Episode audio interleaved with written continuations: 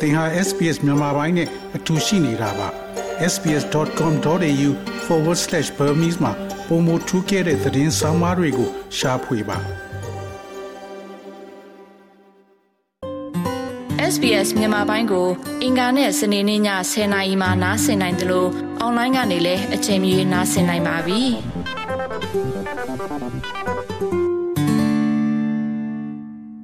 ဘာသာတရားလို့ခေါ်ဝေါ်ကြသလိုဘာသာအယူဝါဒလို့ပြောဆိုကြတဲ့စကားရပ်ဟာလူမှုအတိုင်းဝိုင်းအသီးသီးမှာကိုးကွယ်စရာကြည်ကြံစရာအဖြစ်အတိတ်ပဲဖော်ဆောင်လေးရှိပါတယ်။နိုင်ငံတိုင်းလူလူမှာလည်းဒီအချက်ကိုအစိုးရရဲ့အလေးထားဆောင်ရွက်စရာတစ်ခုအဖြစ်လှုံ့ဆော်ခဲ့ကြတာပါ။ဗုဒ္ဓဘာသာအစ္စလမ်ခရစ်ယာန်ဟိန္ဒူစတဲ့ဘာသာကြီးလေးရက်ကစလို့ James စစ်လိုဘာသာငယ်လေးတွေအပြင်နှက်ကိုးကွယ်ယုံကြည်မှုရဲ့လို့လည်းနိုင်ငံအသီးသီးမှာပြန့်နှံ့နေကြပါတယ်။ဒီလိုမတူကွဲပြားတဲ့ယုံကြည်ကိုးကွယ်မှုတွေရဲ့ကြည်ကြံရအများစုပေါ်လွတ်လပ်စွာကိုးကွယ်ယုံကြည်ခွင့်ကစားလို့အကြမ်းဖက်လှုပ်ဆောင်ခြင်းတွေမကြရအောင်ဦးစားပေးဆောင်ရွက်လေးရှိကြပါတယ်။ဒီအခြေအနေဟာစစ်တပ်ရဲ့အာဏာသိမ်းခြင်းကိုခံထားရတဲ့မြန်မာနိုင်ငံအတွက်မသက်ဆိုင်တဲ့လှုပ်ဆောင်မှုလို့ပြောဆိုနေကြပါပြီ။ တိုင်းနယ်ပြည်နယ်အများစုပေါ်ထိုးစစ်ကိုသာအာယုံထားနေတဲ့စစ်ကောင်စီဟာစေဒီပထိုးကျောင်းကန်ဖျားကျောင်းတွေကစားလို့ဒေသခံတွေခိုလုံရစစ်ရှောင်းစခန်းတွေအထိလက်နက်ကြီးလက်ငယ်သုံးပစ်ခတ်ခဲ့တာပါ ဒီစကားစငကိုရဲမှာသူတို့ရဲ့စိတ်သက်ပိုင်းဆိုင်ရာအရန်အောက်တန်းကြတယ်လေအခုကသူတို့ကဖျားတွေတီကျောင်းတွေစောက်တာတော့အသေးလောက်တယ်ဒါပေမဲ့လို့တကယ်တကယ်လဲကြာရောလူတွေတက်တယ်နော်ဟိုနေဆက်တွေမှာဆိုလဲတည်တဲ့လူတွေအများကြီးပဲအဲအခုလောလောလတ်လတ်ဆိုလို့ရှိရင်လိုက်စာမှာဖြစ်သွားတဲ့ကိစ္စဆိုရင်နေအိုခိုကိုရမယ်ဖြစ်နေလို့စစ်ဆောင်ပါတယ်ဆိုမှဒီနေရာကိုထပ်လုပ်တယ်ဆိုတာမျိုးကတော့သူတို့ရဲ့စိတ်သက်ပိုင်းဆိုင်ရာ ဘလို့ပြောပြလို့ပြောပြဘာသာရေးဟိုဒါခုတုံးလုတ်လိုက်ခုတုံးလုတ်ပြီးတော့မြို့မှာတော့ဖရားတွေတီးရနော်ဟို smiling ဗုဒ္ဓတွေပါလုတ်ပြီးတော့အခုကျတော့ဒီမှာကြည့်ဟိုအမီတောင်ဖော်လို့မရတဲ့လက်နက်တွေနဲ့ကလေးတငယ်တွေရောပြည်သူတွေရောတကယ်ဒုက္ခတဲ့အစ်စ်ကိုမှဒုက္ခထက်ရအောင်လုပ်တယ်ဆိုတော့သူတို့ရဲ့ဘာသာရေးအယူကဘလို့လဲတော့ကိုတော်နားမလဲတော့ပါဒီရချက်ကတော့အားလုံးကိုလူစုခွဲကျင်တာပါပဲသိရမှာတည်တဲ့လူကတည်ကွာဒုက္ခရောက်ပြီးပျက်စီးရဲ့လူကပျက်စီးအချိန်ကြာလာတာနဲ့မျှဒါလေးတွေကတော့ဖြစ်လာမှာပဲ စစ်အာဏာသိမ်းကာလမြတောင်ကြောင်တိုင်းမော်ဦးအောက်ကနေချီတက်ခဲ့ကြတဲ့မန္တလေးတန်ဃာတပိတ်စစ်ကြောင်းကိုစစ်ကောင်စီကအကြမ်းဖက်ဖြိုခွင်းခဲ့သလို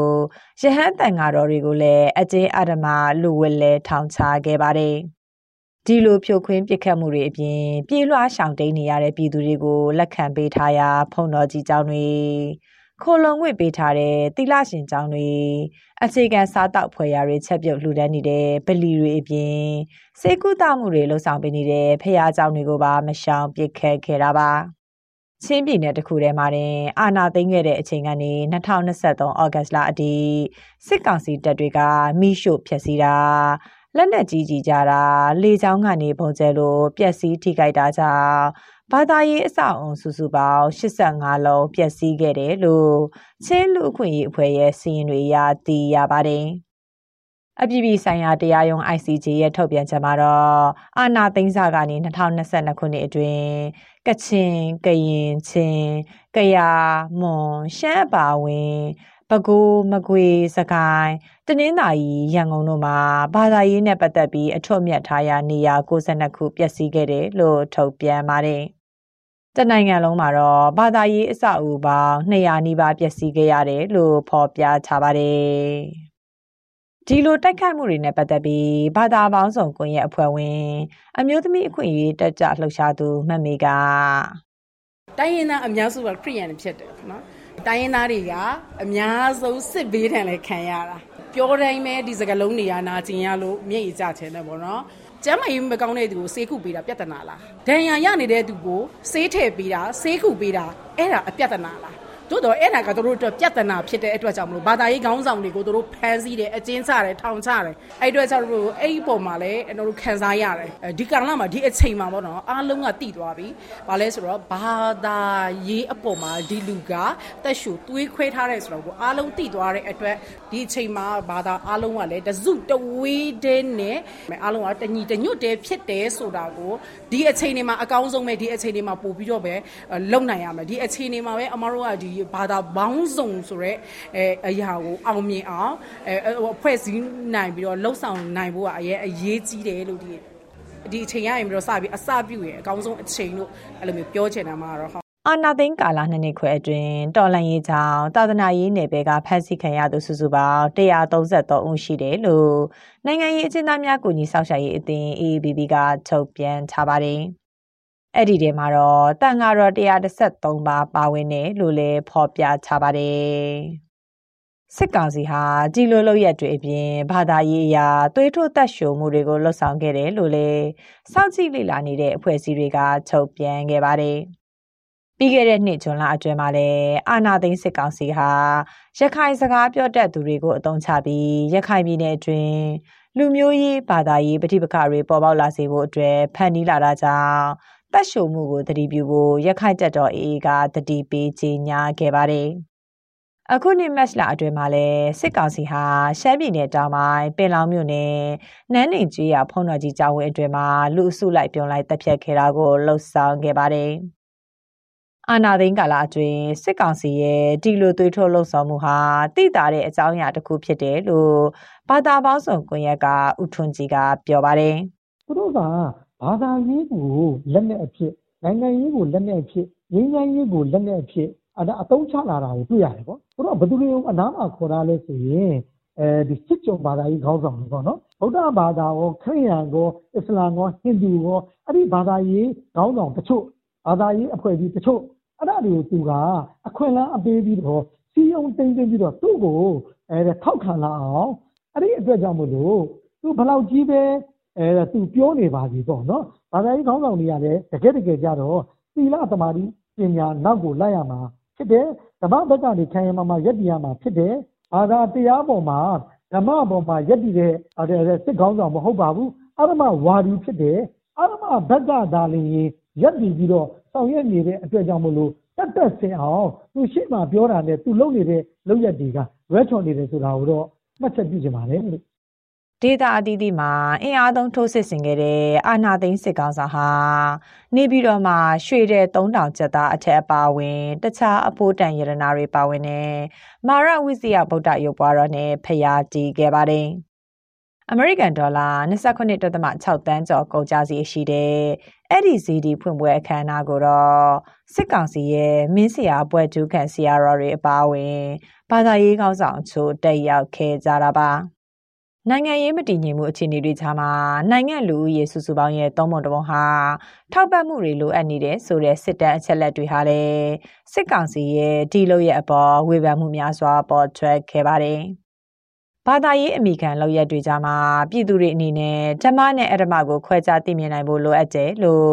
ຫນွေဦးကျော်လန်ရေးတန်ခကွန်ရက်ဆရာတော်ဦးဝါယမကမိန့်ကြားပါတယ်။အာဓမ္မနဲ့ဓမ္မမှာဓမ္မကအနိုင်ရလိမ့်မယ်ဆိုပြီးတော့အားလုံးကြွေးကြော်ပါတယ်။ နော်ဘယ်တော့မှအဲ့လိုမနိုင်ပါဘူး။အာဓမ္မကအကြီးအသွေးတရားရခိုင်တော့နော်ကြိုးစားရင်ဓမ္မသမားတွေကငါတို့ကအာဓမ္မကိုမလုပ်ဘူးဆိုပြီးတော့ဓမ္မအကြီးသွေးကိုနော်100ရာခိုင်နှုန်း90ရာခိုင်နှုန်း70ရာခိုင်နှုန်းစသည်အားဖြင့်ကိုယ့်အည်သေးက30ရှိတယ်20ရှိတယ်ဓမ္မအည်သေးရှိနေတယ်ဆိုရင်ဓမ္မအည်သေးကို30ကနေ50 50ကနေ90 80 100ဖြစ်အောင်မမြင့်တင်ကြဘူးဆိုရင်ဓမ္မအည်သွေးမမြင့်ကြရင်အာရမအည်သွေးမြင့်အောင်ကြိုးစားတဲ့အာနာယူရီယာပဲတို့ဓမ္မ ဆိုတဲ့အာရမမလုပ်တဲ့ဓမ္မအည်သွေးမိတ်နဲ့နော်ငါတို့ပြည်သူတွေကိုမတရားအနိုင်ကျင့်နေမှာပါပဲစစ်ကောင်စီရဲ့လအလိုက်ပြောစကားတွေတိုင်းမှာအမျိုးပါတာသာသနာထိန်းသိမ်းဆောက်ရှောက်ဖို့နဲ့လွတ်လပ်စွာကိုးကွယ်ယုံကြည်ခွင့်ဆိုတာပါရှိပါတယ်။ ဒါပေမဲ့လည်းမြန်မာနိုင်ငံရဲ့ဒီမိုကရေစီအရေးလူ့အခွင့်အရေးနဲ့အသိပညာပေးလုပ်ငန်းစဉ်တွေလှုပ်ဆောင်နေတဲ့အရက်ဖက်အဖွဲ့အစည်း၄ရာကျော်ဟာဒေသစွန့်ခွာတိမ်းရှောင်နေရတယ်လို့စစ်အာဏာသိမ်းကာလမြန်မာအရေးသူဒေသနာစာတမ်းတစ်ခုမှာဖော်ပြချပါတယ်။ဒီလိုအခြေအနေဟာမြန်မာနိုင်ငံရဲ့ပဋိပက္ခဖြစ်ပွားမှုကိုပုံမပြင်းထန်စေတယ်လို့လည်းနိုင်ငံရေးလှိလာသုံးသပ်သူတွေကပြောဆိုထားပါတယ်။ မြေပြင်နဲ့ဝေးကွာနေရတဲ့အခြေအနေမှာလည်းပြည်သူတွေကြုံတွေ့နေရတာတွေကိုလက်တွေ့ကြားသိတွေ့မြင်ရဖို့ဟာအခက်အခဲများစွာရှိနေတယ်ဆိုတဲ့ပြောဆိုမှုတွေလည်းရှိနေပါတယ်။ဒီအခြေအနေနဲ့ပတ်သက်ပြီးလွတ်လပ်စွာယုံကြည်ကိုးကွယ်ခွင့်ကိုရက်ကိုပံ့ပိုးကူညီနေတဲ့လူခွင့်ရေးလှုပ်ရှားသူဆီယာမဂျာဆိုင်က အဲဒီမိုကရေစီရဲ့လမ်းစဉ်မှာဆိုရင်ကျမတို့အနေနဲ့ဒါလွတ်လပ်စွာဟိုအသင်းဖွဲ့ဖွဲ့ခွင့်ရစပြီးရဟာကြတာမှာပေါ့နော်ထုတ်ဖော်ပြောဆိုခွင့်ဆိုတဲ့ကိစ္စရပ်တွေအများကြီးပါတယ်အဲဟိုလွတ်လွတ်လပ်လပ်နဲ့လှုပ်ခွင့်ရှိခြင်းအပြင်ကျမတို့အနေနဲ့နိုင်ငံရေးစနစ်ကြီးရလဲပေါ့နော်စုံလင်ကွဲပြားတဲ့ဘာသာအုပ်စုတွေပါလာမယ်ထုတ်ဖော်ပြောဆိုခွင့်မရှိတဲ့ဘာသာရေးအုပ်စုတွေနောက်ပြီးတော့မှလူနည်းစုအုပ်စုတွေအတန်းကိုကျမတို့ပို့ကြားလာရမယ်ပေါ့နော်ဆိုတော့အဲ့လိုမျိုးကြားလာလာရတဲ့အခါမှာကျမတို့အာဏာအနှင်ထားတဲ့အစိုးရကနေပြီးရဟာကြတာမှာသူလှုပ်ချင်တာလုပ်လို့မရအောင် institution တွေအားကောင်းလာတယ်ဆိုရင်ကျမတို့က check and balance လို့ခေါ်ရဲပေါ့နော်ပြန်ပြီးတော့မှလမ်းကြောင်းမှားနေဆိုလမ်းကြောင်းမှန်ပြအောင်ပြန်ပြီးရဟာကြတာမှာတဲ့ပြီးတော့မှလုံနိုင်တဲ့ကိစ္စရပ်တွေလည်းရှိတယ်ပေါ့နော်ဆိုတော့အဲ့ဒီဟာမျိုးတွေအကုန်လုံးလုပ်ဖို့အတွက်ဆိုတာကျမတို့ကကြတော့ဘာသာပေါင်းစုံဟိုကဟိုပါဝင်ပြီးတော့မှဟိုအတန်ထွက်နိုင်ပြီးရခါကြတော့မှအဲ representation တွေကောင်းကောင်းဖြစ်နေတော့မှပဲကျမတို့အနေနဲ့ဟိုအဆင်ပြေမယ်လို့ကျမတို့မြင်နေပေါ့နော်အဲ့ဒါမှပဲကျမတို့ကနိုင်ငံထဲမှာဟိုရှိနေတဲ့ဟိုဒီလူမှုစီးပွားရေးအကုန်လုံးကျမတို့ညီညွတ်မျှတတဲ့အဲနေရာတစ်ခုကိုကျမတို့အတူသွားနိုင်လိမ့်မယ်လို့ကျမတို့ဟိုမျှော်လင့်နေပေါ့နော်ဘာသာတရားတိုင်းလူလူဟာလူအတိုင်းဝိုင်းထဲမှာအပြည့်အလှန်လေးစားမှုနဲ့အတူတကွဖြတ်တန်းနိုင်ဖို့ထိန်ချောင်းပေးလေးရှိပါတယ်။လက်ရှိစစ်အာဏာသိမ်းကာလမှာတော့ဘာသာတရားရဲ့ပြရုပ်ဟာစစ်ကောင်စီရဲ့ဥပဒေမဲ့လုပ်ရက်တွေကြားမှာတွေးထိုးစရာလမ်းကြောင်းလိုဖြစ်ခဲ့ရပါပြီ။ဒီအခြေအနေတွေကိုထိန်းကျောင်းနိုင်ဖို့အတွက်တော့ခိုင်မာတိကျတဲ့လှုပ်ဆောင်မှုတွေနဲ့အတူစီလုံးညီညွတ်နိုင်ဖို့အရေးဟာလိုအပ်နေစေပါ။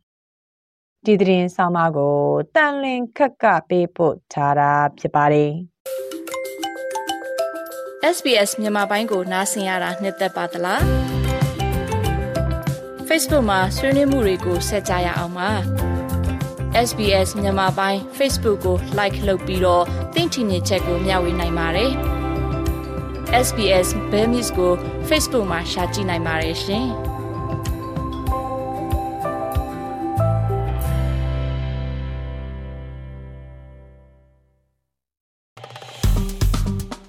SPS မြန်မာပိုင်းကို Facebook ပေါ်မှာ like ရှာပြီး like မျှဝေမှတ်ချက်ပေးပါ